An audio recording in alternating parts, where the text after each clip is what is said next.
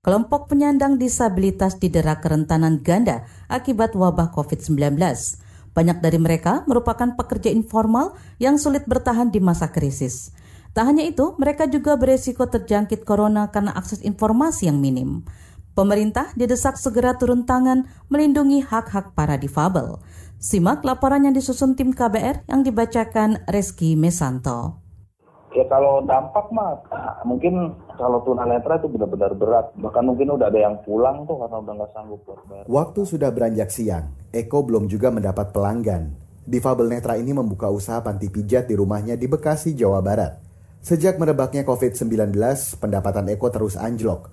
Para pelanggan khawatir karena terapi pijat mengharuskan adanya kontak langsung kalau usaha saya kan kontak langsung, Bu. Sementara kan anjuran pemerintah kan social distancing, physical distancing, kan gitu. Uh, mau nggak mau dan memang harus mau ya, Bu ya. Ya akhirnya si pasien ini juga mungkin khawatir. Kita kan sebagai terapis kan sering berhubungan. Nanti jangan-jangan, ya mudah-mudahan sih enggak kan gitu ya Allah alam ya, Bu ya. Ini hmm. orang habis megang orang batu atau orang apa mungkin ada yang berpikiran seperti itu. Eko pasrah jika pekan ini pemasukan kembali seret Ayah dua anak ini bakal tetap membuka panti pijatnya walau sepi pelanggan. Nah, hmm. begitu di pertengahan Maret 20 persen. Nah, yang ter yang parah ini ya minggu kemarin ini saya cuma dapat tiga pasien 230 ribu. Biasanya saya dapat sejuta sejuta lima puluh ribu, sejuta dua ratus gitu. Per minggu ya? Uh -uh ya udah saya ya mau gimana lagi kita udah coba eh, infoin kadang infoin lewat WhatsApp gitu tapi ya mungkin mereka juga khawatir lah bu jaga-jaga mungkin. Kini Eko sekeluarga mengandalkan pendapatan istrinya untuk memenuhi kebutuhan sehari-hari.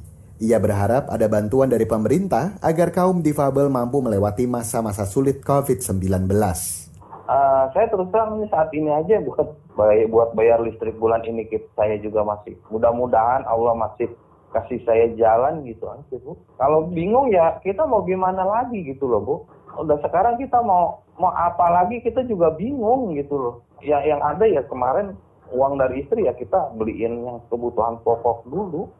Bulan ini listrik, bulan air, gitu. kewajiban lain ya. Bismillah aja lah bu. Selain rentan secara ekonomi, penyandang disabilitas seperti Eko juga beresiko tertular virus corona. Apalagi distribusi informasi tentang penyebaran dan pencegahan COVID-19 sulit diakses para difabel.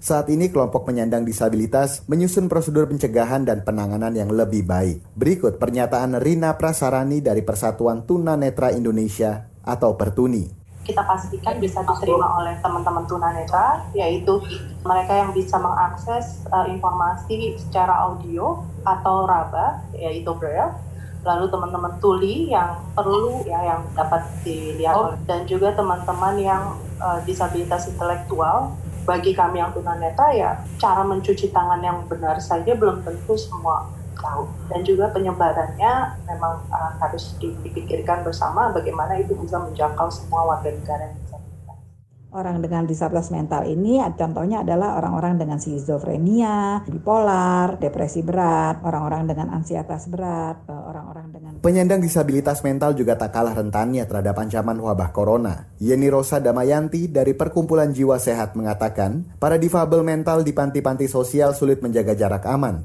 sebab jumlah penghuninya sudah terlampau padat. Selain itu, penyebaran virus juga berpotensi ditularkan oleh pegawai panti staf panti itu kan nggak tinggal di sana ya. Banyak staf panti yang tinggal di rumah masing-masing datang ke sana pada saat tugas jam kerja gitu. Itu kekhawatiran juga itu kalau misalnya nggak ada protokol yang ketat, staf panti itu bisa ngebawa uh, virusnya ke dalam kan dia akan pulang ke rumah bisa dapet gitu ya terinfeksi virus dan dia bisa bawa virusnya ke penghuni panti yang hidup berjejal-jejal itu tadi itu satu kena kan bisa kena semua ya. Menurut Yeni banyak panti swasta terutama di wilayah Jawa Tengah yang masih memasung pasiennya. Mereka hidup dalam kondisi jauh dari layak sehingga ketahanan tubuhnya lemah. Nah itu juga masalah sanitasi. Belum lagi masalah gizi. Beberapa tempat-tempat atau panti-panti yang di Jawa Tengah misalnya gizinya kan sangat buruk sehingga banyak yang malnutrisi.